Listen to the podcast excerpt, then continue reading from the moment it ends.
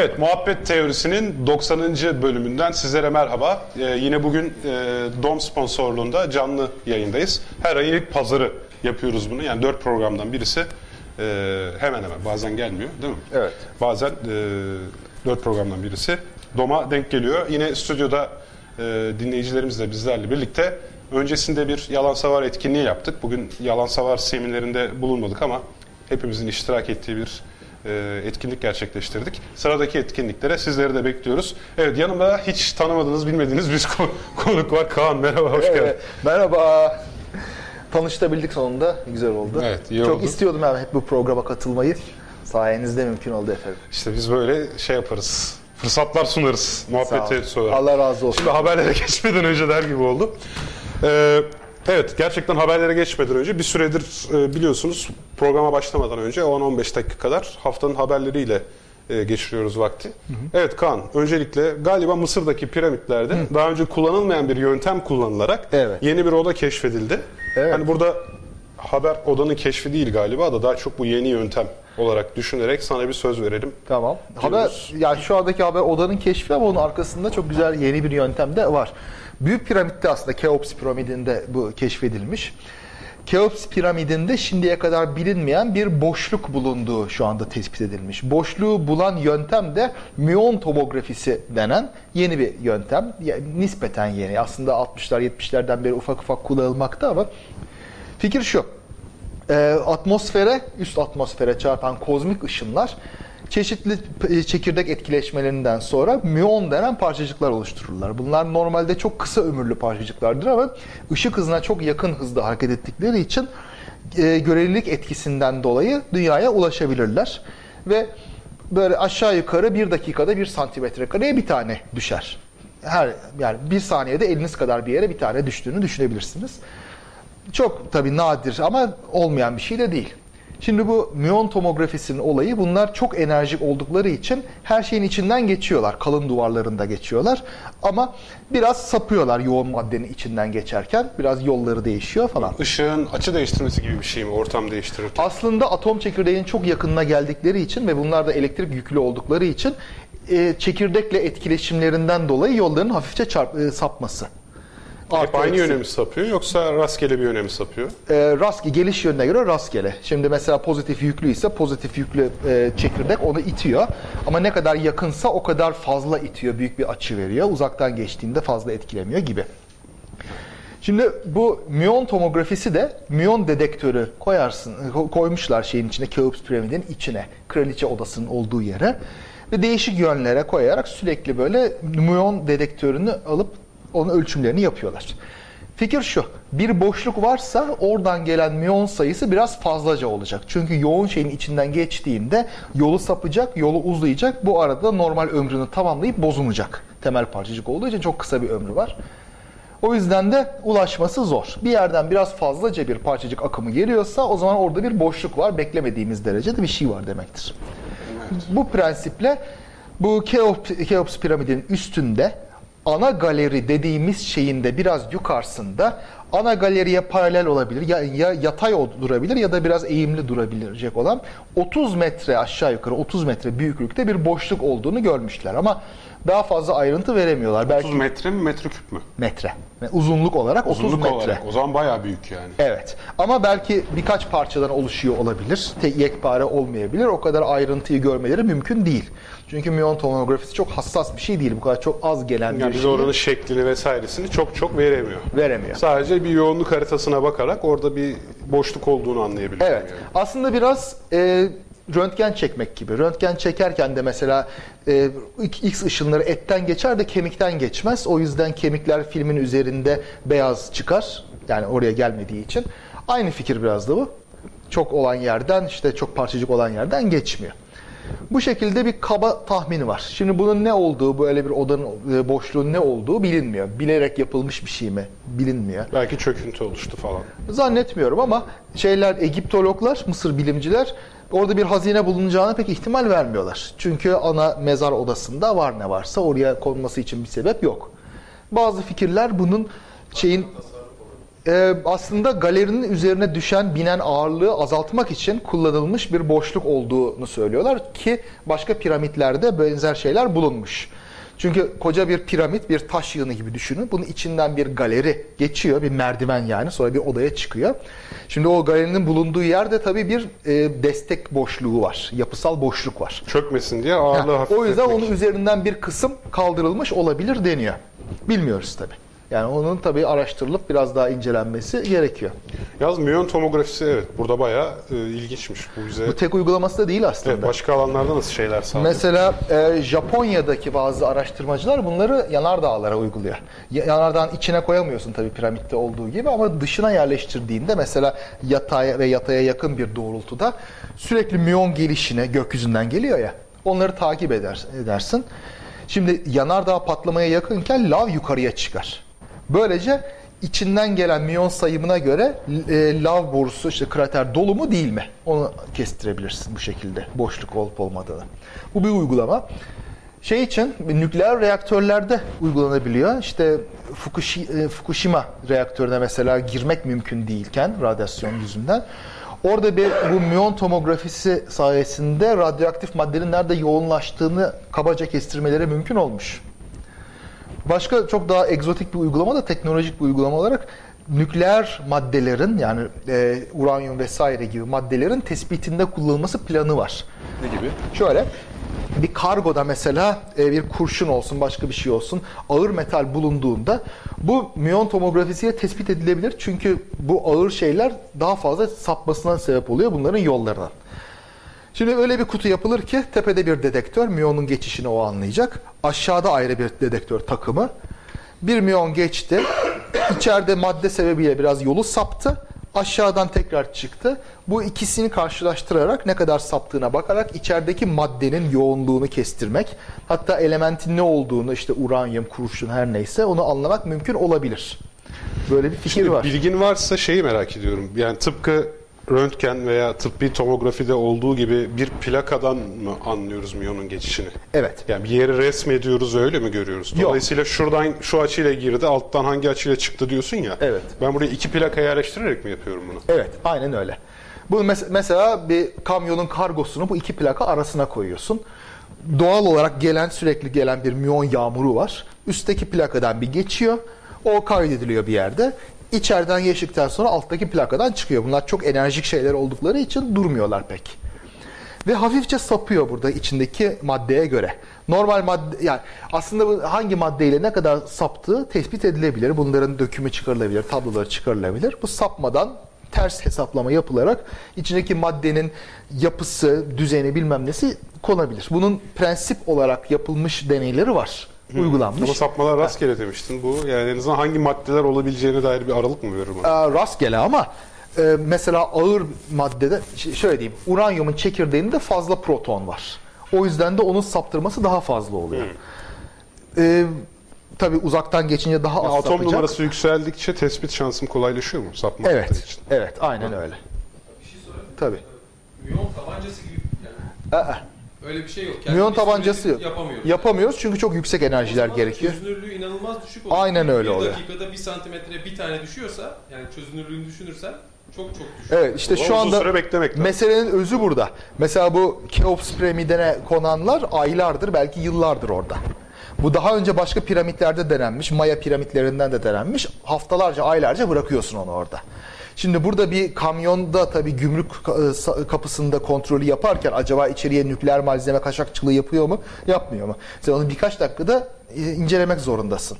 Haftalarca bekleyecek halin yok. Bu işin dar boğazı şu anda burada çok az geçişte yani birkaç dakikada diyelim e, 5-10 bin tane geçiyor orada bütün şey alandan.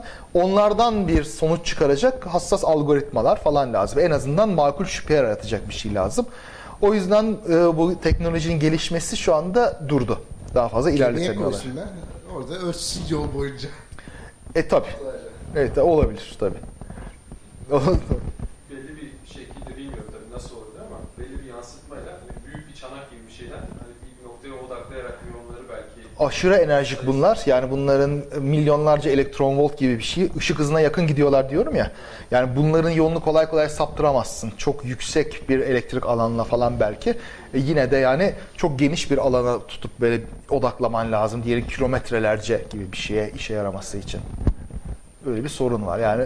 Ama uygulaması çok. ilginç konular bunlar. Yani yeni bir gö- e, görüntüleme tekniği. Yani sabrın varsa uygulanabilecek bir şey. Evet. Evet. Şimdi geçtiğimiz haftanın diğer haberi bu kadar Diğer haberi. e, uzun uzun anlatacağımız bir haber değil ama şöyle bahsetmek lazım. Yakınlarda hatırlarsanız Güneş sistemimize en yakın gezegen Proxi, şey Yıldız Proxima'nın etrafında bir gezegen keşfedilmişti. Bilim kurgucular da özellikle e, yok Trappist zaten gözlem aracının adı. Genelde Trappist'in keşfettiği yıldızlara Trappist adı veriliyor. Bu direkt Proxima yıldızının etrafında bulunan ilk gezegen. Bu arada öte gezegenleri isimlendirirken e, bir yıldıza ait bulunan ilk gezegene B kodu verilir. A değil B kodu verilir. E, Dolayısıyla Proxima B dediğim zaman buradan şunu anlayabiliyoruz. Bu Proxima yıldızı etrafında keşfedilen ilk gezegen sadece bize 4,5 yıl, e, 4,5 ışık yılı uzaklıkta olduğu için e, bu yıldız. Bu etrafındaki gezegen hani ahir ömrümüzde gerçekten belki de oraya bir araç göndererek en azından bir e, sinyalle bir, bir fotoğrafını alabileceğimiz bir gezegendi bu. Mesela böyle bir proje var nano kamera ölçeğinde e, bir araç inşa etmek için hatta şu meşhur girişim Zuckerberg Nano gemiler. e, yok üç kişi var ya bu girişimin başında. Biri Birisi Elon Musk Zuckerberg, kesin. birisi Stephen Hawking, bir tanesi zengin bir iş adamı. Elon Musk yok. Aa, Evet. Ha, olabilir. Olabilir. Yok yok pardon hayır. Başka yerde hiç adını duymadığımız bir. Neyse. Evet, evet. Güneş enerjisiyle değil mi? Evet evet yani küçük nano bir kamerayı buradan Proxima B'ye sürekli ivmelenerek gönderecekler ve böyle bir- giderse eğer 50 yıldan kısa bir sürede oraya varması dolayısıyla da oradan fotoğrafı sadece 4 yılda göndermesi ve 54 yılda bizim ilk defa e, bir başka öte gezegenin gerçek fotoğrafını görme şansımız olacak. Vay. Eğer bu dediğim nano gemi yapılabilirse.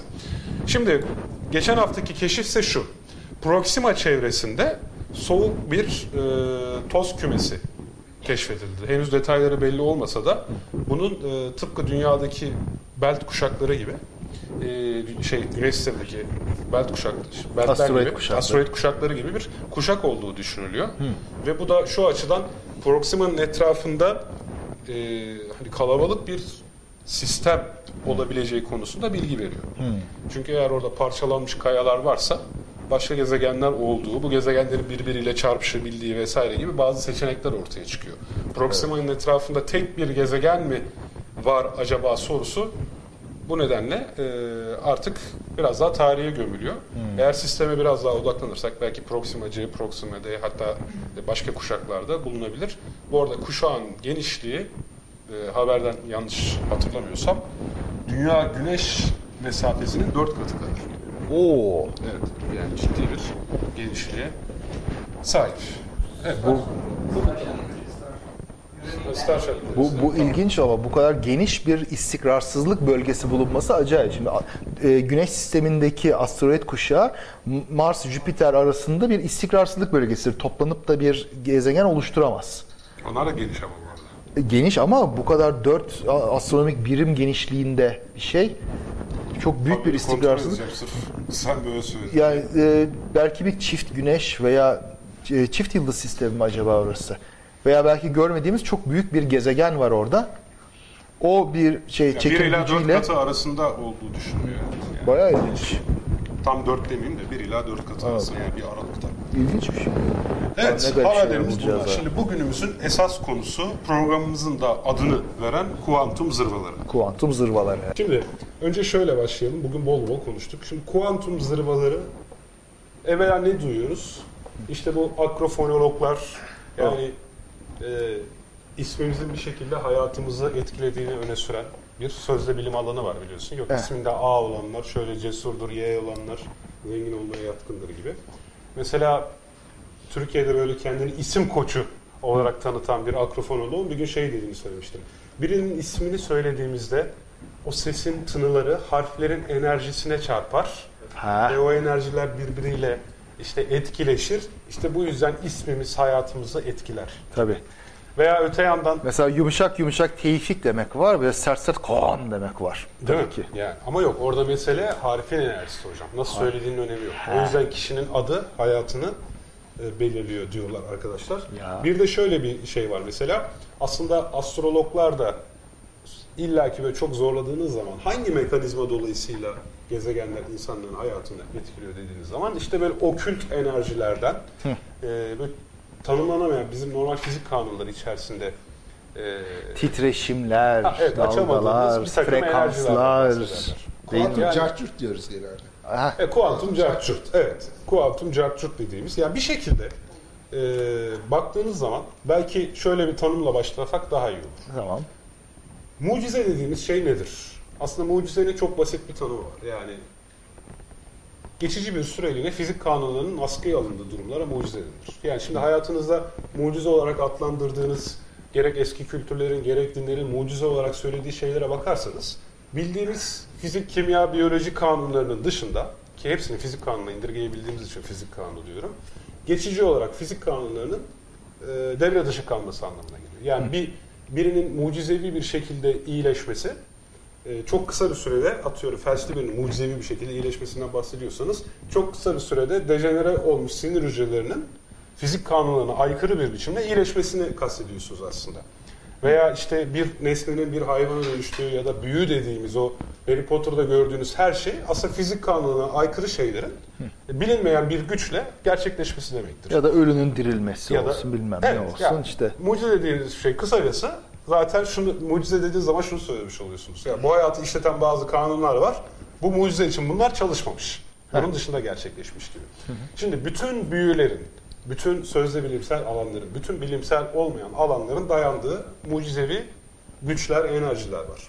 Magical thinking dediğimiz bile ne? Biraz öyle. İşte birbirine benzeyen şeylerin aynı etkiler göstereceği ya da birbirine temas eden şeylerin sonsuza kadar temas içerisinde kalacağı. Hatta üçüncü bir magical thinking ilkesi daha vardır. Örtmece denilen. O da hani aslında bir dil var Hı hı. ve bu dil unutulmuştur. Ama bu dili bilenler, bunlar büyülü sözcükler oluyor. Bu dili bilenler dünyayı çeşitli güçlerle kontrol edebilir. Yani o yüzden o abrakadabralar ya da işte bazı sihirli sözcükler dediğimiz şey de ayrı bir büyüsel düşünce e, kategorisini oluşturur aslında. Yani hatta bu Ursula Le Guin'in romanlarında da Yerdeniz Büyücüsü serisinde de ejderhaların dilini hatırlayanlar ancak e, doğayı kontrol edebilirler. Ya da insanlar kendi isimlerini söylemekten çekinirler. İşte kabalacılık, hurufilik de Ha. biraz bunun üzerinedir. Yani bir şeyin asıl ismini söylememek onu işte yapmak. Evim üç harfliler demek mesela. Çünkü cin dediğin zaman bunu çağırmak gibi bir şey Evet. oluyor. Veya işte bana adını bağışlar mısın demek. Ya çünkü bu kolay kolay herkese söylenecek bir şey değildir. Çünkü birisinin adıyla ona büyü yapabilirsin. Onun adını kullanarak. mesela ha. Aynen öyle. İyi sıhhatte olsunlar. Tabii. Şimdi özetle Birazdan, biraz sonra. biraz- Canlı yayında gerçek cin görüntüleri. Şimdi e, işte baktığımız zaman tüm bu bahsettiğimiz alanların bir şekilde mucize olarak adlandırdığı bir yerlerdi. Fakat işte 17. 18. yüzyılda bilimsel devrimin ortaya çıkması ve bugün artık tamamen e, her alanın sekülerleşmesi, insanın akla mantığa daha çok önem vermesi neticesinde bu gibi alanlar akıl mantık sınırları dışında kalmaya başladıkları için zannedersem bir şekilde ileri sürdükleri saçmalıkları fiziksel bir zemine dayandırmaya çalışıyorlar. Ve kuantum buna müthiş bir ilaç olmuş gibi görünüyor. Şimdi o yüzden böyle bir girizgah yaptıktan sonra sözü artık Kaan'a bırakıyorum. Sen bu konuda şimdi bize neler söyleyeceksin hocam? Valla ilk olarak şunu diyeyim. Bu e, kuantumla başlamış bir şey değil. Gerçekten de bu dediğin gibi iş büyü düşüncesine zemin e, bulmaya kadar uzanıyor. Yani asıl sebebi o. Şimdi büyü düşüncesinde aslında bütün bu etkilere baktığında kaçırılmaz olarak varsayılan böyle açıkça ifade edilmeyen bir şey var. O da bütün evreni kaplayan, hepimizin temasta olduğu ve bize feedback veren bir alanın varlığı, bir gücün varlığı, bir dokunulamaz, maddi olmayan ama etkileri somut olan bir şeyin varlığına inanmak var büyü düşüncesinin altında. Yani zaman ve mekan tanımayan bir şey var. Aynen öyle. Ortada. Yani şimdi birisinin geride bıraktığı bir kıyafetini alıp sopayla döverek ona zarar vereceğini düşünmek aslında böyle bir şeyin varlığını e, varsaymak aslında. O cekete verdiğin zararın ona ulaşacağını veya Bunu bir- bebeği desek daha iyiydi abi. Ceket şey kaldı. hep aynı şeyi söylemekten sıkıldım da onun için. Çünkü bu ya, Çok farklı yaygın bir şeydir. gerçekten ceket. Ya şey var. e, bir birisinin kuklasını yakmakla ona zarar vereceğini düşünmek olabilir gibi. E, ismini mesela Büyücüler de ister değil mi? Hemen onun saçından bir parça getir ya da giydiği bir kıyafet getir falan derler. Hani büyü yapabilmek için. Tabii.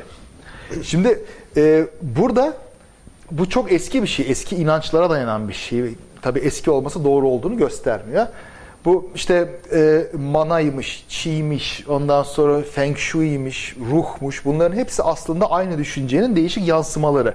Her şeyi yöneten, yani biraz e, şey gibi, Qui-Gon Jinn gibi olacağım. Böyle hepimizi yöneten ya da şeyde ben Kenobi olayım. Büyük güç. Hepimizin içine girer, hepimizi yönetir falan. Onun o düşünce ta- tamamen aynı. Şimdi Star Wars'ta da zaten değil mi? Aynı düşünce var. Aynı düşünce, Güç aynı. alanı var. İşte güçlü dalgalanma oluyor. Bunun Aynen. karanlık tarafı var, aydınlık tarafı var. Aynı vesaire. düşünce. Şimdi Fark o gerçek. tabii yeri gelmişken şunu da diyeyim. Star Wars aslında bilim kurgudan ziyade fantastik Değil filmdir. canım, bilim kurgu denmez. Bu sebepten dolayı. Ama gene de temellendirme yapmışlardı yanlış hatırlamıyorsam. Ha İşte midi-chlorian diye bir şeyi uydurmaları orada temellendirme. Bir şey vardı temel bir İlk- açıklama getirmeye çalışmışlar en azından. Ha en azından. Ama tabii o biraz bir yerde Yine- kaldı. Yine de bilim kurgu değil ya. Yani Tabii. diyar fantazisi ama uzay, o diyar uzay işte. Şimdi buna açıklama getirmeye çalışın çalışmak kuantumdan öncesinde de var. Mesela manyetik alanlar böyle kuantum bilinmeden önce 16. 17. yüzyılda manyetik alanlarla bunu açıklamaya çalışıyorlardı. Çünkü düşününce mıknatısın bir nesneyi çekmesi acayip mucizevi görünüyordu Aa, insana. inanılmaz bir şey. Yani mıknatısı bileklik takıyor insan. Evet, Evet. evet onun kalıntısı aslında. Yani Hala bana garip geliyor. bir, biraz aslında şu sıralarda bunu araştırıyorum. Belki bir şey yazacağım, belki uzunca bir şey, bir şey yazacağım. Manyetik alanlar çok büyülemiş insanları. 18. yüzyılda özellikle bir moda başlamış. Bu e, Franz Mesmer, Anton Mesmer, neyse Mesmer'in şeyi ve onun takipçilerinin yaptığı modalarda manyetik iyileştirmelerle, mıknatıslarla bir şeyler yapma gibi. Mıknatıs büyüleyici bir şey aslında. Bizim doğa algımızda çok aykırı çünkü uzaktan çekiyor. Sanki kendisine ait bir iradesi varmış gibi görünüyor. Bir mıknatısla oynadığınız zaman böyle iki tane koydunuz, koyuyorsunuz pıp öbür tarafa dönüveriyor. Sanki kendi istiyormuş gibi, sanki bir canı varmış gibi. Bunu insanları etkilememesi mümkün değil. Evet. Şimdi o zaman böyle bir can varsa bu tabii cana da etki edebilir. Bu bizi de etkileyebilir. Manyet işte mıknatısı yanında taşırsan kolye olarak şöyle olur, böyle olur. Bir sürü düşünceler. Zaten Mesmer de düşüncesini şey üzerine kurgulamıştı. Aslında her canlının içinde bir manyetizma dönüyor. Buna animal magnetizm diyordu. Yani hayvan manyetizması diyordu. İşte mıknatıslarla biz bu hayvan manyetizması akışları bozuldu. Animal'ı orada hayvan diye çevirmek doğru değil. Animus'tan yani candan geliyor. Can manyetizması demek belki daha doğru. Canlılık önceki manyetizması. kitapta şey yapmışım, ciddi çevre hatası yapmışım. Ha hemen düzelt o zaman. O yüzden şimdi bu ilk açıklama değil ve çok böyle açıklama yapmaya da çalışılıyor. Şöyle, o şöyle böyle. Tabii şimdi e, manyetizma biraz ayağa düştü artık. Tabii elektromanyetizma ile bunu yapmaya çalışanlar var. İşte elektromanyetik dalgalar, düşünce gücü, beynin alfa dalgaları, bunlar işte bizi bağlar, fikir gö- gönderir gibi. O birazcık hala su kaldırıyor ama o da yetmiyor anlaşılan. Yeterince mistik, yeterince gizemli değil. Kuantum fikirleri aslında bu gizemliliği çok güzel sağlıyor. Şöyle Esrar bir şey de var. içinde. Kuantuma geçmeden önce manyetizma dışında kütle çekim de aslında bu gibi şeyleri açıklamakta e, kullanıldığı oluyor. Mesela e, böyle çok daha işe yeni başlayan astrologlar henüz ebe hipoteziyle karşılaşmadıkları için e, şuna başvururlar böyle. Ya bir gelgitleri düşünün. Eğer işte ay dünyamız üzerindeki okyanuslara bunu yapıyorsa işte yıldızlar vücudumuzdaki sulara neler yapmaz falan filan diye. Ha. Bu Metin Kiraz'ın uzman TV'de bir şeyi var. Ee, mesela konuşması var. Şey diyor işte ay çıktığı zaman vücuttaki su beyne ulaşır.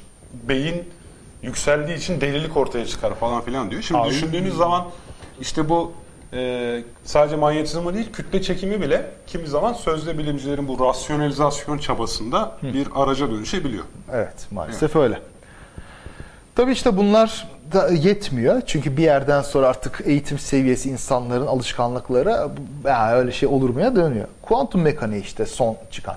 Son oldu ama bu da bununla da kalmayacak. Başka şeyler de. Şu anda mesela safsatalar biraz biyolojiye saptıkları zaman ne bileyim epigenetik kullanmaya meraklılar. Epigenetik böyle yeni çıkmış bir fikir. Tabii kimse onun ne olduğunu tam bilmiyor uzmanlar dışında. O yüzden meydan boş. Salla gitsin gibi şeyler çok var. Evet. Şimdi kuantum niye bu kadar ilgi çekiyor? Niye bu kadar yatkınlar kuantumda bunu kullanmaya?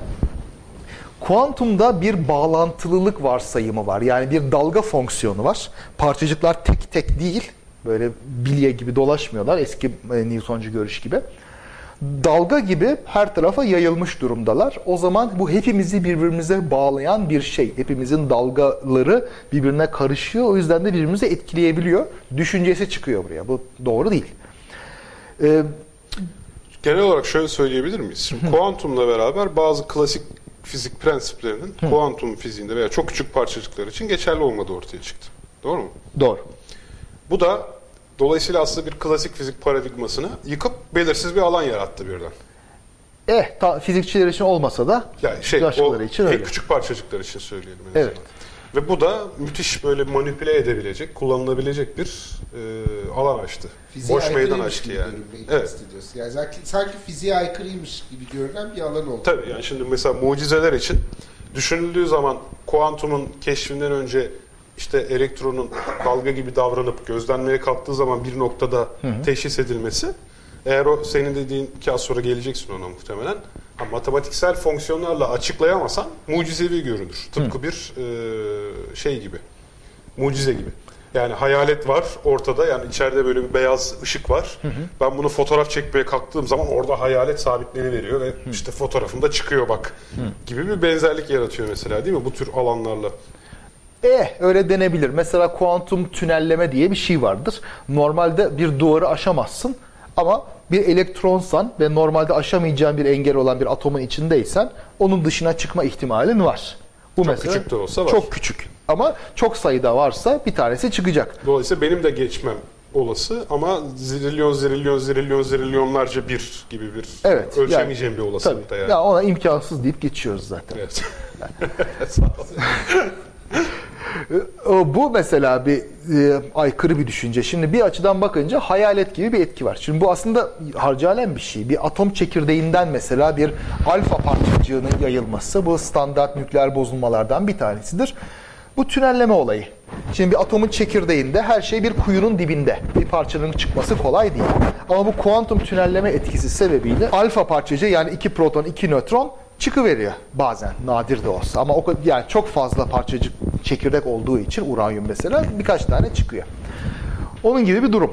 Şimdi e, bu mesela günlük hayatta olsa, günlük hayat ölçeğinde olsa duvarların içinden geçebilmemiz anlamına gelirdi. Hayaletler, bilmem neler falan gibi ama tabii olmuyor. Şimdi bu sahte bilimde kuantumun revaçta olmasının sebeplerinden bir tanesi bir şey yerelli olmama durumu. Fa- e, yerel olmama durumu şöyle. Kuantum mekaniğinin aslında garip özelliklerinden bir tanesi. Bu dolanıklıkla da ilgili. Einstein'ın da böyle beğenmediği hatta eleştiri kuantum mekaniğinin temellerini eleştirmek için yazdığı makalelerden birinde aslında bunun temeli atılıyor. Einstein-Podolsky-Rosen paradoksu olarak biliniyordu. Temel olarak şöyle basitçe anlatabilirim. Ee, bir kaynaktan iki tane foton, ışık parçacığı yani ters yönlere gönderin. Ve bunlar birbirinden çok çok uzakta olsunlar. Şimdi fizik kuralları gereği bu iki fotonu beraber yarattığınızda bunların spin denen bir özelliği olacak ve birbirlerinin tersi olacaklar. Fizik kuralı gereği bu. Toplamlarının sıfır olması lazım çünkü. Şöyle kafamızda rahat canlandırabilir miyiz? İki tane topun tam ortasına kuvvetle vurursam bir tanesi sağa bir tanesi sola dönerek gider. Mesela. Çok güzel. Ee, Şimdi bu fotonlardan bir tanesini diyelim ışık yıllarca ileride bir dedektörle algılıyorsunuz ve hangi yönde spini olduğunu buluyorsunuz. Böylece ışık yıllar ötedeki diğer fotonun da hangi spinde olduğunu anında öğrenmiş oluyorsunuz. Hatta birini değiştirirsem bu esnada öteki de değişiyor değil mi? Evet. Böyle ilginç, mucizevi bir sonucu da var yani. Gibi. Gibi. Şimdi Einstein Ne desem gibi diyorsun ha böyle mi diyeyim ya? Öyle öyle hocam. Sen diyorsan doğrudur. Einstein, Podolsky ve Rosen bunu kuantum mekaniğin çelişkisini ortaya koymak için yaptılar. Çünkü ışıktan hızlı hiçbir şey gidemez sen bunu nasıl aktarabilirsin diye. Öte yandan deneyler, ya- yakın zamanlarda yapılan deneyler olayın tam da böyle olduğunu gösterdi. Yani oluyor. Yani bu şeyde yerellik çiğneniyor kuantum mekaniğinde. Şimdi sahte bilimciler bunu neden seviyor? Mesela bu telepatiye zemin hazırlayabilen bir şey. Yani biz mesela ne bileyim kardeşiz veya anne çocuğuz falan bir aradayız. Bizim dalga frekanslarımız, kuantum dalgalarımız birbirine karışmış. Uzağa gittik. Birimizin başına bir şey geldi. Öbürü de bu dalga değişikliğini hemen algılayabiliyor. Böyle aha buyurun telepatinin şeyi mekanizması Veya işte altıncı hissin. mesela. Evet. Ee, bu işte ama e, abartılan, çok abartılan bir şey. Şimdi bu yerel olmama durumu, bu dolanıklık denen özellik çok özel deneysel şartlarda gerçekleştirilebilen bir şey. Günlük hayatta olması imkansız bir şey. Sen şimdi dolanık bir kuantum sistemi yarattığında bunun başka dış etkenlerden etkilenmemesi lazım. Hiçbir şeyle e, hiçbir şeyle ona müdahale edememesi lazım. O yüzden izole durumda mutlak sıfıra çok yakın nano te- işte nano Kelvin seviyesindeki sıcaklıklarda olması lazım. Mükemmel vakumda olması lazım. Hiçbir şey çarpmayacak, hiçbir şeyle titreşmeyecek. Ancak o zaman bu dolanıklığı muhafaza edebiliyorsun. Normal şartlarda, gündelik hayat şartlarında bu karma karışık ortamda bu termal gürültü içinde böyle bir şeyi muhafaza etmen mümkün değil. Öyle bir şey yok. Günlük hayatta zaten kuantum mekaniğinin etkisi neredeyse hiç yok. Birkaç çok özel durum dışında özel şartlar dışında doğada. Peki bu bizim şu an henüz anlayışımızın dar olmasından kaynaklanan bir sonuç mu? Yoksa e, Yok. böyle olduğu net olarak Şimdi fizikte e, correspondence yani karşılık gelme prensibi denen bir şey var. Kuantum mekaniği denklemlerini yüksek enerjide, yüksek ölçeklerde düzenlediğinde yani enerjimiz yüksek olsun dediğinde klasik Newton denklemlerine ulaşıyorsun. Bu, bu şey, kuantum mekaniğinin bir sonucu. Şimdi o yüzden de klasik fizik bizim dünyamızda iyi işliyor. Çok küçük ölçeklerde yani kuantum dalga boyuna uygun ölçeklerde ancak ve onun enerjilerinde çok düşük enerjilerde bunlar kendini gösterebilir. Böyle 300 Kelvin gibi bizim yaşadığımız ortamlarda 300'ü bırak 10 Kelvin, 100 Kelvin gibi sıcaklıklarda bile bunlar gözlenmez. Çünkü bu karmaşık rastgele çarpışmalar, atomların hareketi falan bu kuantum etkilerini boğar. Onun ortaya çıkmasını engeller, dalgaların çıkmasını engeller. Peki şimdi dedik ki bir şekilde e, kuantum prensiplerindeki bu klasik fiziğe uymayan enteresan özellikler sözde bilimcilere muazzam bir e, alan açtı. Onların bazı işte telepati gibi bazı tezlerini bunlar üzerine dayandırmasını sağladı. Evet. Ya böylece kendi e, yüzyıllardır inandıkları e, bazı şeyleri bugünkü fizik bilgisiyle kuantum fiziği bilgisiyle rasyonize etmeye Şunu da ekleyeyim mesela Hiç fizikçilerin suçu yok. biraz var tabii. Yani o, Yani- o iğneyi batırmak lazım. Şimdi popüler bilim kitaplarına baktığınızda popüler bilim kitaplarında aslında biraz da ilgi çekici olayım, biraz da sansasyonel olayım diye bunu biraz çarpıtan, biraz e, iyi sunmayan kitaplar da var, yazılar da var. Yani biraz Aa işte kuantum mekaniği Tanrı'yı açıklıyor mu? Yok işte, yok işte Tanrı parçacı fikri, Veya başlıkları. işte What to Believe Do We Know diye bir belgesel mi var? O Çok tam bir rezillik mesela. zaten. Yani bütün kuantum meselesini alıp böyle mistik bir noktaya getirip şu Japon sahtekarın deneyi de zaten orada ön plana çıkarılmıştı. Su deneyi. Evet, evet, orada. suyun belleği. Kristallere yok. Seni seviyorum deyince güzel oldular. Allah belanı Şimdi versin bu kötü işi kuantum mekaniğinde bir de dalga fonksiyonu var ya. Bu sahte bilimde titreşimler, dalga boyu falan filan lafı çok geçer. Bu elektromanyetik spektrumdan da böyle esinlenen bir şeydir. Kuantumda da böyle dalgalar falan olunca abi biz iyi titreşimler gönderelim, güzel şeyler yapalım falan gibi şeyi de pekiştiriyor tabii. Tabii. Dalga olayı olunca. Bu TED konuşmamda bahsettiğim bir haber vardı. Ee, ağaçlara sarılmak iyi geliyor. Çünkü ağaçların titreşimi insanları mutlu ediyor falan. Değil mi? Kedi titreşimi içinde derler ona. İşte kediler guruldar da ve titreşimler. Yani ne olduysa sürekli bir titreşim olayı. Yani Kuantum frekansıyla mırıldanmanın frekansı arasında. Belki bunların hepsine sinir bilim cevap verecek gibi geliyor bana. Yani mesela telepatiden bahsettiğimiz zaman ayna nöronları bilmemiz lazım belki. Daha fazla öğrenmemiz lazım. Sinir bilim, ayna nöronlar konusu sinir bilimde çok yeni bir keşif. Çok yeni değil ya. Yok yani hani diğerlerine göre çok yeni değil. Daha bebek keşiflerden bir tanesi. Ayna nöronlar daha fazla anlaşıldıkça belki telepati dediğimiz şeyin altı daha net doldurulacak. Yani telepatiden kastımız tabii sizin söylediğiniz safsatıcıların telepatisinden bahsetmiyorum. Ben bambaşka bir şey. Ne gibi mesela? Daha- Mesela. Ayna nöronların evrimleşmesinin sebebini e, insanların e, toplumsal e, yaşamından kaynaklı olduğu ve bu toplumsal yaşamın birbirini etkileyerek beynin gelişmesine sebep olduğu. Yani evrimle alakalı bir şey. Ayna nöronların gelişmesi ve bu gittikçe de e, daha da fazlalaşıyor beynin belli bölgelerinde. Hani sinir bilimciler bunları keşfediyorlar. Ben tabii bir doktor olarak bunu anlatamam ama okuduğum e, kitaplardan ama belki de safsata kitaplarıdır. Hani o da olabilir. Ondan da emin olamam. Şu uzun Ya yok şu ana kadar söylediğiniz haklısınız. Ayna nöronları karşımızdakinin duygu Ha. durumunu anlayabilip ona göre hareket etmemizde bir fonksiyona sahip. Evet, Ee, yani bölgesi, bölge beynimizdeki. Kesinlikle. E, Ayna nöronun fonksiyonu bu. Beyinde e, ortaya çıkması ve gelişmesinin de sebebi bu. Bu e, e, gittikçe evrimleşiyor. Yani gelişen bir konu e, beyinde. Sinir bilimciler bunu araştırıyorlar ve bunun bir amacı var. Yani hani bir evrimin bir parçası. O zaman bu daha fazla açıklanırsa belki yani aslında her şey algıyla alakalı e, diyeceğim. Hani oraya getireceğim. Sinir bilimciler sizin işte ya, ya da bizim mucize dediğimiz ee, insanların e, aynı şeyi biz baktığım zaman ben e, farklı görüyorum. Renk körüysem eğer kırmızı göremeyeceğim. Ee, ama bir gün o renk körü olma durumum bir şekilde ortadan kalkarsa kırmızıyı görürsem buna bir mucize diyeceğim. Oysa bu tamamen bilimsel bir durum. Yani beynimin e, bunu e, nasıl algıladığıyla alakalı. Bence hani sinir bilimciler çözecekler. Ya temel bu olarak bugün Bunu açıklayamadığımız bazı olgular ileride bilimsel olarak açıklanabilir demeye ben çalışıyorsunuz aynen değil mi? öyle. Aynen öyle. Yani Şimdi e, hemfikirim aslında. Şöyle, pek- şöyle diyeyim Pek mesela. çok şey için öyle. Bak mesela eşimle benim aramızda telepati vardır. Nasıl telepati? Bir birisi bir laf eder. Biz ikimiz birbirimize bakar güleriz. Çünkü aynı anda mesela seyrettiğimiz bir filmi, okuduğumuz bir karikatürü, bilmem neyi hatırlamış oluruz. Ortak tecrübemizden dolayı aynı anda ayrı çağrışım yaparız ve onun da o anda onu düşüneceğini ben bilirim. E 15 yıllık bir beraberlik tabii.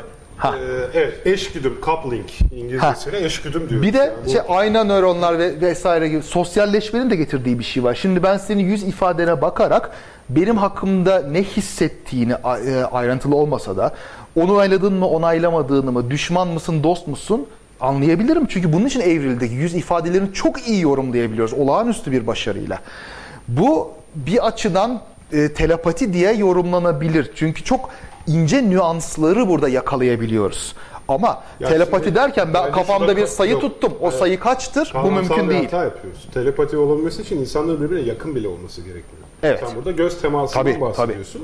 Ve telepati değil, çok bariz bir şekilde amigdalanın e, becerdiği bir şeyden bahsediyorsun. Yani karşımızdaki yüzde bir korku ifadesi varsa doğrudan etrafta demek ki korkulacak bir şey var mesajı almam. Yani tam bir milyon yıl önce evrimleşmiş bir özellikten bahsediyoruz. Ha şimdi yani. ayna nöronlar deyince bu ayrımı yapmak gerekiyor herhalde. Yani birbirimizin ifadelerini yorumlama yeteneği mevcut ve çok incelikli bir şekilde mevcut. Bu ama gittikçe daha gelişiyor. Çünkü beynin yeni evrimleşen e, mesela e, IPR dediğimiz IPR e, yanlış Broca e, aynen öyle. Orada Prefrontal korteks. Aha, e, alanında bunlar hep yeni evrimleşmiş e, beyin bölgeleri. Buralarda ayna nöronların çokça olduğu görülüyor. Yalnız şimdi yeni derken şöyle yanılmamak lazım. Yeni dediklerimiz e, 80-100 bin yıl önceki döneme yeni diyoruz. Yeni evrimleşmiş derken. Hatta daha eski. Yok yok 80-100 bin. Yani tam o e, modern Homo sapiens sapiens'in ortaya çıktığı dönemden bahsediyoruz. O tür anatomik yeniliklerden. Evet.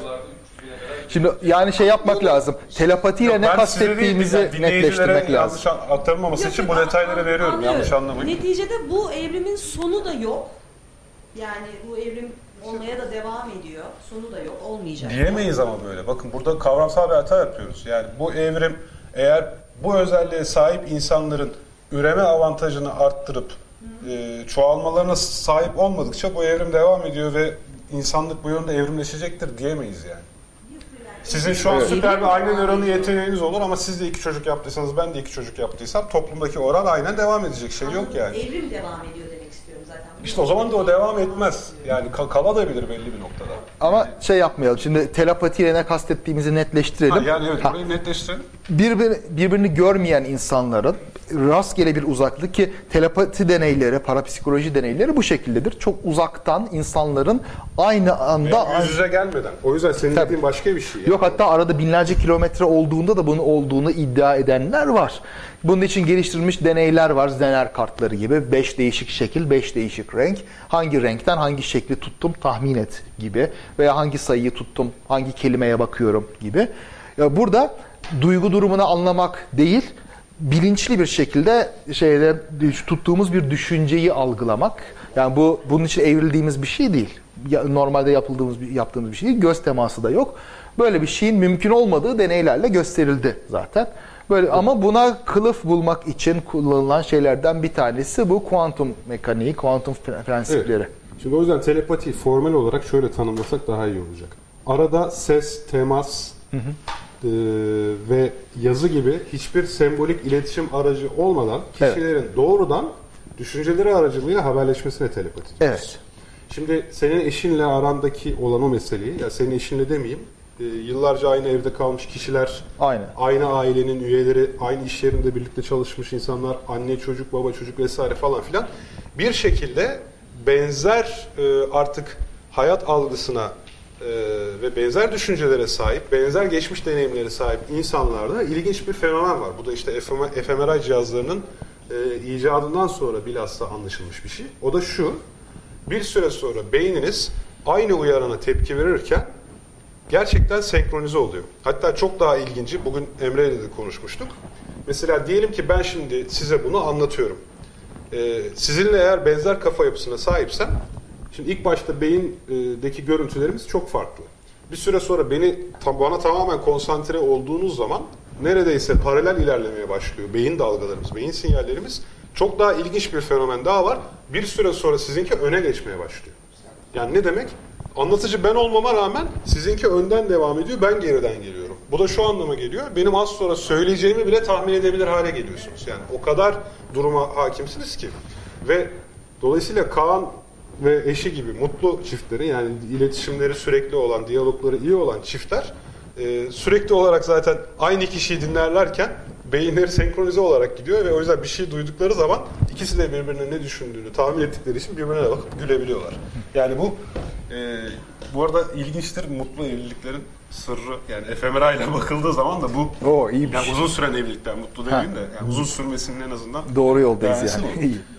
ee, ve e, işte bir anlamda sizin dediğiniz oluyor. Bu tür insanların evvelden ya aramızda müthiş bir bağ var diye yani romantizmi çökerten bir şey bu ama hani aramızda harika bir bağ var. Biz birbirimizin aynı şey aynı şeyleri hissedebiliyoruz. Kalplerimiz beraber atıyor. Onun arkasında e, amigdala, striatum, prefrontal korteks ve VTA bölgesinin beraber paralel çalışması gibi bir durum ortaya çıkıyor. yani. Şikayetim yok. Ama Gayet önemli güzel değil. çalışsın Beyinleriniz- yeter. Beyinleriniz beyin beyine karşıdır. Yani Aynen öyle öyle. Diyebilirsiniz. Oradan kalbi çıkarıp yerine beyin koyunca. Tabii hiç anlaşamadığın biriyle olur. beraber olmaktan iyidir yani şeyin beynin uyuşması. Ha, bu esnada evet tartışmalarda insanların birini bir türlü anlayamaması, belki işte Serdar'ın bize anlattığı backfire efektinin oluşması, belki boomerang efekti gibi efektlerin oluşmasının sebebi de beyinlerin, sinyallerin birbirinden çok apayrı çalışmasından kaynaklanıyor olabilir. Yani bir noktadan sonra artık tartıştığınız kişiyi bırakın bilirsiniz belki hatta karşınızdaki bazen iyi bir şey söylediği zaman bile kötü algılama eğiliminde oluyorsunuz bu tür tartışmalarda.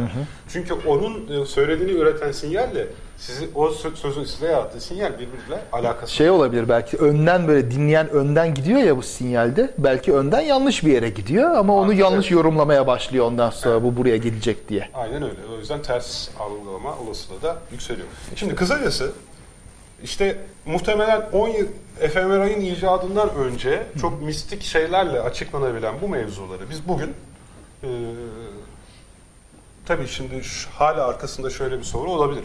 Niye beyin eşgüdümleniyor?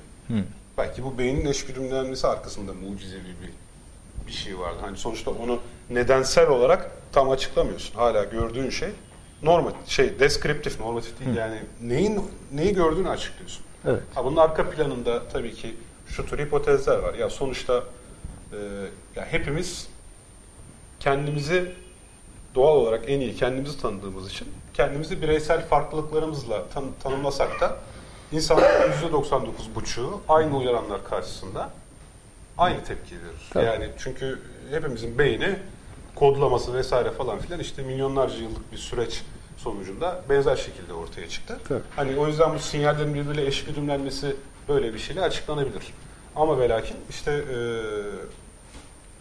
isteyen bunu mucizevi bir açıklama da olabilir. Yani burada bir e, açık kapıda bırakabiliyor. Neden Vallahi- senin Meral'le beynin daha iyi senkronize oluyor? Çünkü siz birbirinize yazılmışsınız gibi bir açıklamada alnımın yazısı falan. Valla Ama kontrollü burada deney kendi- yapmak lazım. Kontrollü deney yaparız artık görürüz. Kimyasal bir uyuma mı çıkıyor? Kimya bambaşka bir taraf ya. ne sıklıkla oluyor? Her zaman mı oluyor? Bunu ben... Bence herkesle olur. Yani belli bir süre birbirine katlanabilen herkesle olur. Karşılıklı diyalog ya da aynı uyarana aynı cevap. Ve Herhangi hatta iki kişi arasında daha sık görüldü veya işte şunlarda daha sık görüldü veya şunlarda daha az görüldü ikizlerde en sık görülüyor. gibi. İkizlerde en sık görülüyor. Çünkü benzer genetiğe ve benzer deneyimi sahipler. İşin içinde genetiğin hiçbir payı olduğunu sö- söyleyememek olmaz. Genetiğin de şeyi var çünkü herkesin bir sinir sistemi izi var, parmak izi gibi. Yani hepimizin o anlamda bazı bireysel farklılıkları var. Ya bir de ge- e, hayatındaki geçmişin de biraz o uyuma uygun olmalı diye tahmin ediyorum. Yani eşimle benim mesela eğitim geçmişimiz de çok örtüşme vardır. Birbirimize çok benzeriz o açıdan. Okuduğumuz şeyler farklı da olsa aynı şey- genel bir meraka sahibizdir. Bu yüzden de mesela bir şey söylediğimde onda yankılanması kolay oluyor. İşte Aynı, ha, aynı şeyi düşünüyoruz. Yani benim söylediğim bir şeye aşırı bir tepki göstermiyor. Ya sen ne diyorsun ne alak? Ya astrolojiye inanmıyor mesela. O yüzden de ben şüpheci düşünce falan söylediğimde haklı buluyor. Doğru eleştirebiliyor. Ben benim haksız taraflarımı söyleyebiliyor. O konuda ortak bir şey yapabiliyoruz. Yani bir ortak düşünce zemini olması lazım herhalde böyle bir senkronizasyon Evet, için. benzerlik zaten Heh. şey olarak çok önemli. Dünya Benzer görgüsü ve dünya ortak olmayan yapamaz bunu. Evet. O zaman sen devam et hocam. Fizikçilerin bunda ne suçu vardan devam ediyorduk. Valla fizikçilerin suçu belki bunu çok net anlatamamak olabilir veya bazı fizikçilerin biraz e, mistik veya dinsel şey yapması olabilir. Ama bir de tabii bu iş sonunda matematiksel bir teori. Bu matematiksel teoriyi sözlerle ifade etmeye kalkıştığında çarşafa dolaşman kaçınılmaz. Mesela. E şimdi e, bir dalga fonksiyonunun da- davranışını anlamak için Schrödinger denklemini matematiksel olarak çözmen lazım. Öbür türlü lafta kalır ve ne olduğu hakkında belirsizlikler olur. Bir de ha mesela Heisenberg'in belirsizlik ilkesi. Bu böyle belirsizlik ilkesi deyince hiçbir şey bilemeyiz, hiçbir şeyi tam anlayamayız gibi bu postmodern düşünceye prim veriyormuş gibi oluyor. Heisenberg'in belirsizliği aslında öyle bir şey değil. Gayet belirli bir şeydir Heisenberg'in belirsizliği. Ee, şöyle bir örnek vereyim. Bir arabanın ne kadar hızda gittiğini anlamaya çalışıyorsunuz. Şurada bir direk, burada bir direk yakın. Arasındaki mesafeyi ölçüyorsunuz. Tabi bunda saatin işte ölçümünden dolayı bir hata payı var.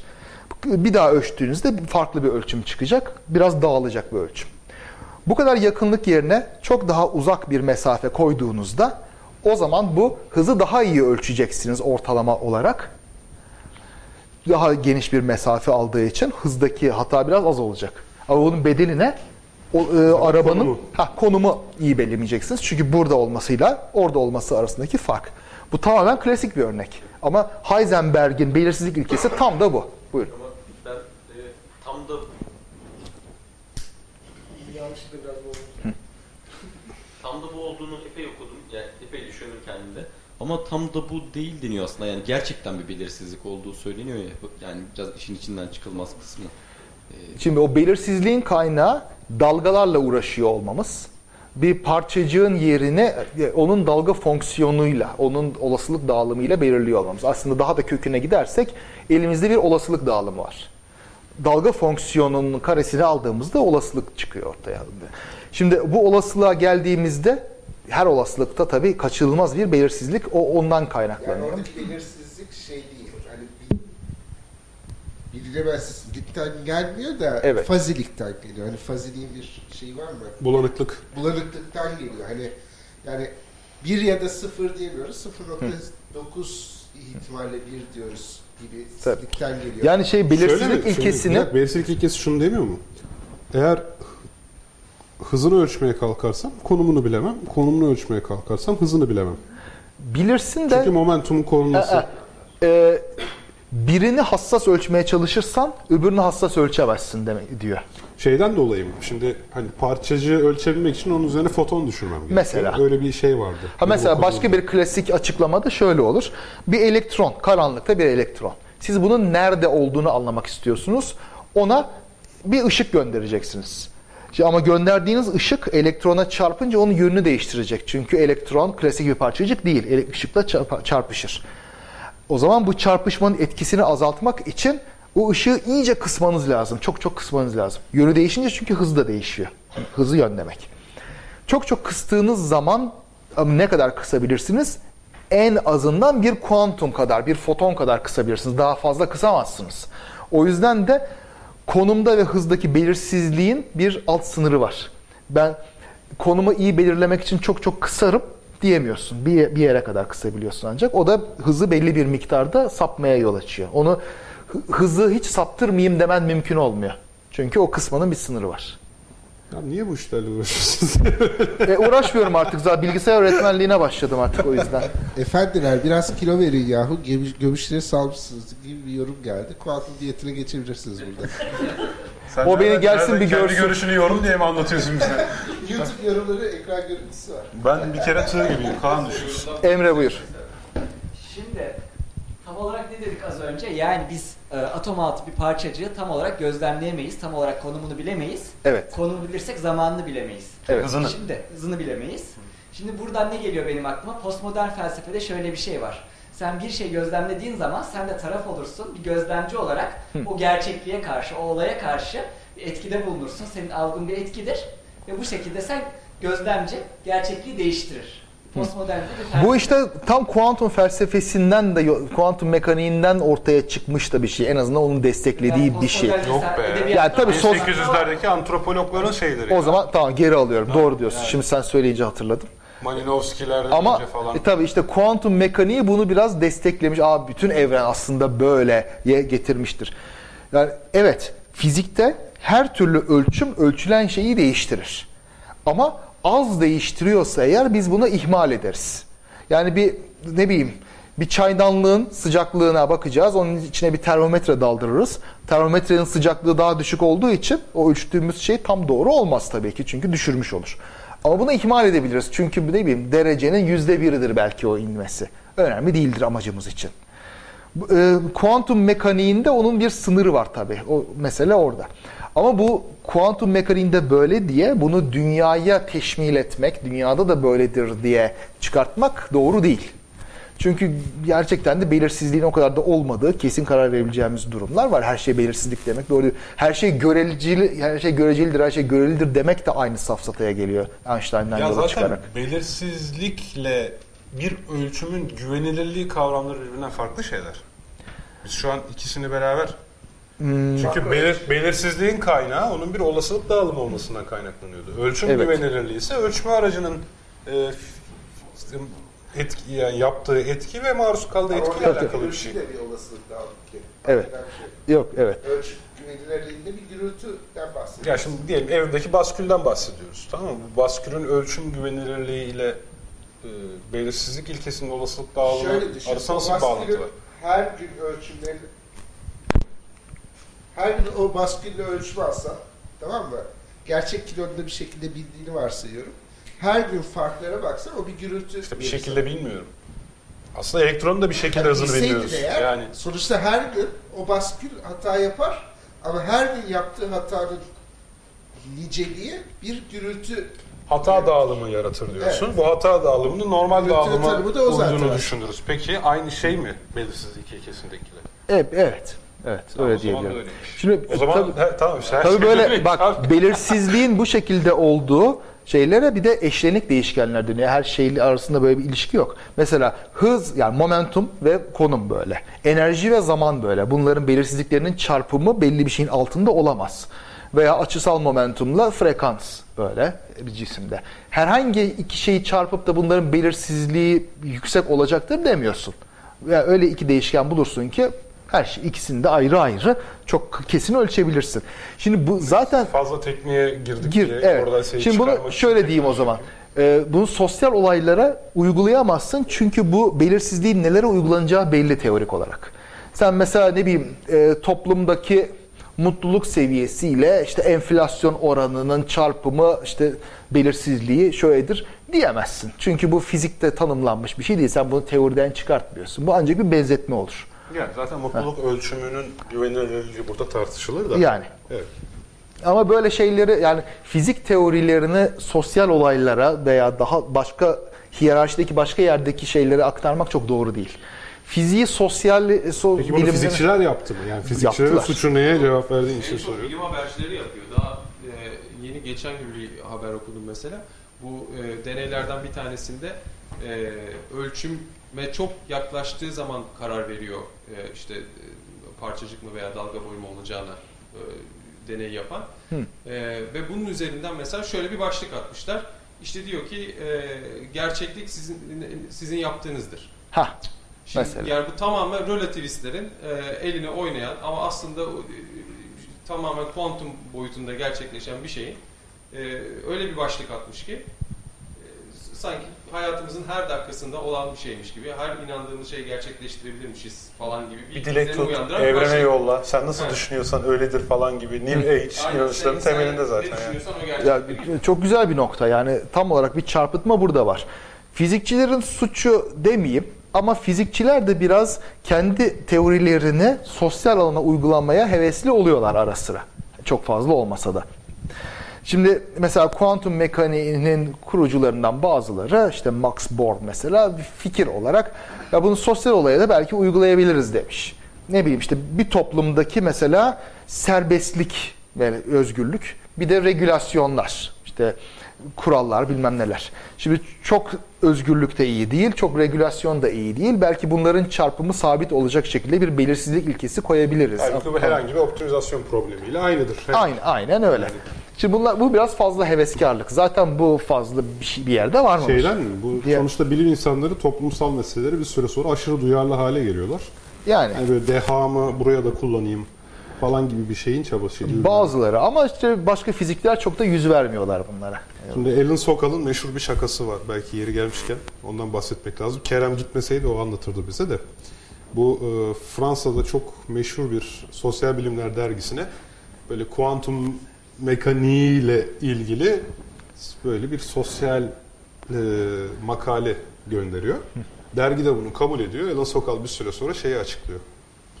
Ben saçmalamıştım yani yazdığım her şey bayağı saçma sapandı diye böyle bu bayağı bir şey yaratıyor. Bilim savaşları denilen bir süreç yaratıyor. Böyle sosyal bilimler işte zaten böyle veya sayısal bilimler, doğa bilimleri böyle vesaire falan filan gibi. Bir dönem böyle bir furya vardı. Özellikle postmodernist şeydi. Tam senin dediğin o belirlenemezcilik.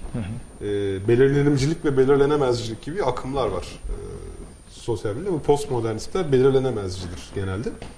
Ee, işte fizikçi Alan Sokal bununla ilgili çok kötü bir şaka yapmıştı yani zamanında. Evet. Fransa'nın prestijli felsefe dergisine göndererek.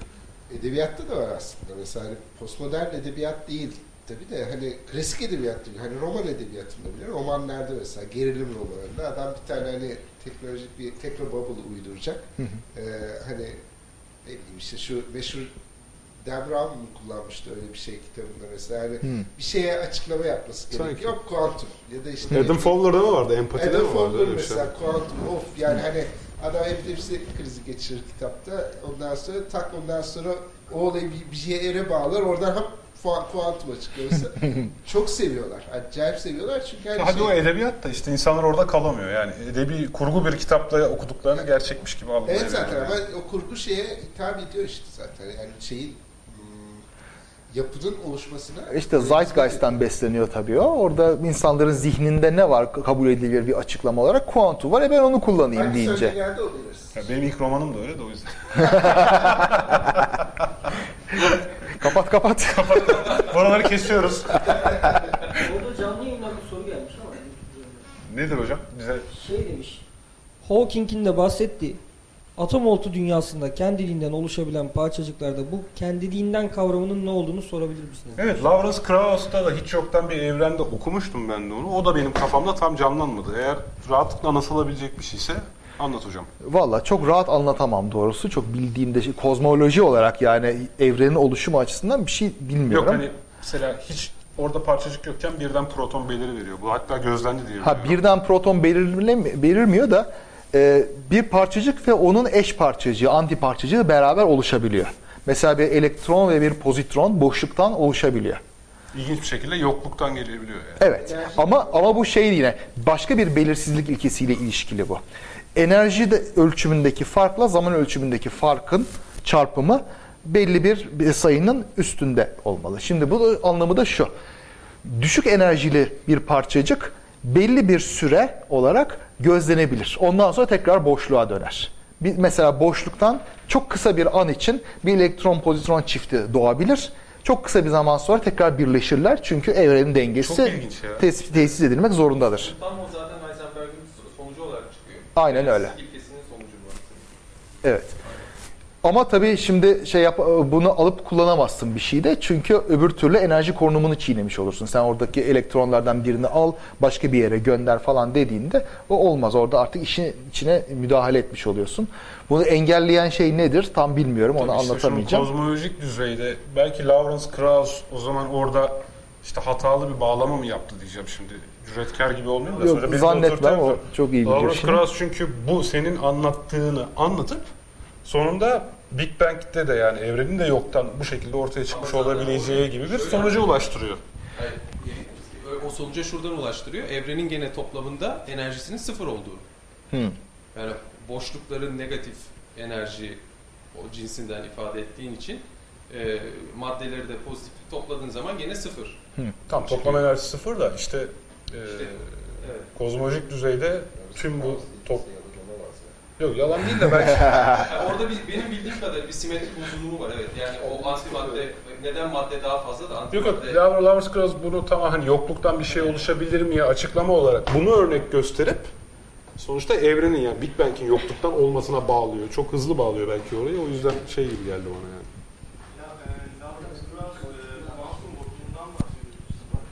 Şu Mikrofon Bak, ay, uzatır mısınız? en uzağa gidecek. Ya şimdi söyle ya sonsuza kadar sus. Tamam. Eee Lawrence Eee, Lawrence Krauss eee, sanırım e, Hiç Yoktan Evren isimli kitabının eleştirilerinde gördüğüm kadarıyla kuantum vakumundan bahsediyordu. Hatta sanırım e, Enis Toko diye bir ilahiyatçı vardı. Çok bilgili bir Enis e, şey insan o da kendisi bu alanda fizik alanında. E, o kuantum vakumundan bahsediyordu eğer yanlış hatırlamıyorsam. Bu kuantum vakumuyla e, bu Lawrence Krauss'un Hiç Yoktan Evrimi, e, Evren kitabı arasında bir bağlantı var mı? Ben onu merak ediyorum bu konuda. Hmm. Onu bilmiyorum. Kitabı ben okumadım doğrusu. Kuantum orucu bozar mı? Yok bozmaz. Şöyle Enerji korunumu olduğu için onu alsan da hemen tekrar acıkırsın ondan Yani sonra. içimizde olan bir elektron pozitron çifti çıksa bozulmuyor diyoruz. Valla kuantum yediğinde aynı kuantum tekrar çıkacağı için şey enerji korunumu gereği bozmuyor. Şeyi hocam. belki orada söylemek lazım bu noktada. Hani eder. kim söylemişti? Tabii. Kim söylemişti? Feynman mı söylemişti? Yani hani eğer kuantum bildiğini iddia eden birisi varsa yalan söylüyor. Bor, bor, diye. bor. Bor mu söylemiş? Bu, Doğru. evet. Kuantumu anladım Anladığınızı diyen varsa anlamamıştır diyor. E biraz öyle. Şimdi kuantum teorisinde Bütün fizikçiler var ya olayın şeyini böyle örtüyor bak. Doğru da hemen görüyorsun değil mi? tabii Ku- tabii evet abi. Evet. kuantum mekaniğinin temellerinde boşluklar var. O bir gerçek. Yani işliyor. Çok hassas tahminlerde bulunmamızı sağlıyor. Yani şu anda bilinen en sağlam teori ve çürütülmedi de. Çürütülmesine gerek olan bir gözlem görmedik.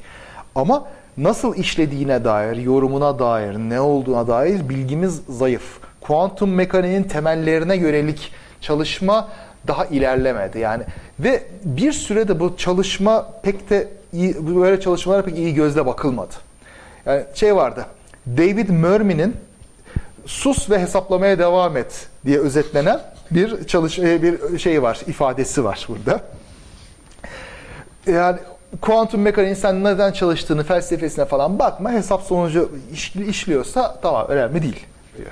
Çürütülürse bu arada alternatif hipotezler de cepte değil mi? Hani bir de öyle bir şey vardı. Hani böyle hani ne bileyim paralel evrenler hipotezi yok. Sicim, Ha sicim, sicim kuantuma pa- şey alternatif değil.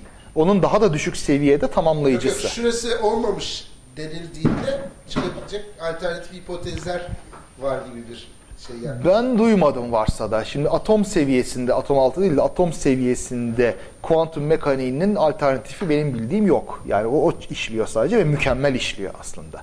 Ama neden işlediği ve işte bu be- e, lokal olmama, yerel olmama özelliği vesaire gibi garip şeyler nasıl çözülecek? Bununla ilgili bir bilgi yok. Şimdi bazıları bazı gizli değişkenler var diyor. Yani bu aslında olasılık falan değil.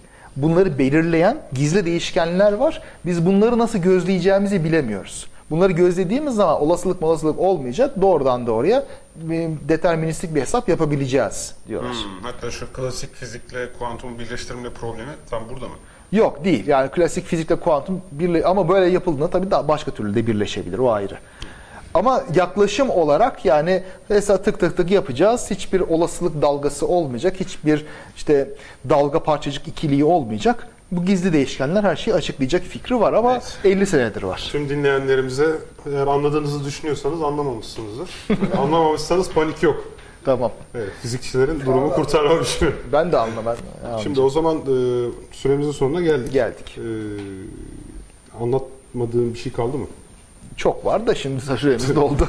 Şimdi biz kaynağımızı da söyleyelim. Yani bugün anlattığımız bazı noktalarda fikri e, bir makaleden aldık. Bir Jean kitap Bricmont'un chapter'ından. kitabından. Jean Bricmont'un hangi Jean? Bricmont şeydir. Quantum Sense and Nonsense Evet. kitabının 11. bölümü olan The Cultural Impact of Quantum Mechanics bölümünden biraz faydalandık. Ama daha çok Kaan'ın engin bilgilerinden faydalandık. Ders. Ha, değil mi? Yani e, kitabını paylaşırız. Aha, hadi bakalım. Yeterince trolümüz yokmuş gibi. Evet. Evet, herkese katkıları için çok teşekkür ederiz. Bugün 90. bölümümüz oldu. Böyle sıfırlı Eyvah. sayılar uğurlu derler. Ee, ki- güzel. E, yılbaşı yok. Yılbaşına kadar yüzü yapar mıyız dedim ama yok. Herhalde Ocak sonunda falan olacak yüz. Bakayım. Ayda 4 diye devam Tabii ya, edersek. yılın bitmesine 8 hafta kalmış. Bizi Hakikaten. buraya denk getirin. Zaman bitiyor. Şampanya Öyle bir Aa güzel. patlatalım yani.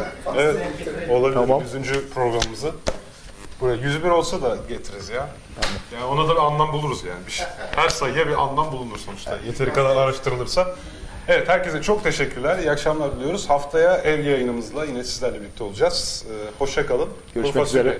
Kuru fasulye.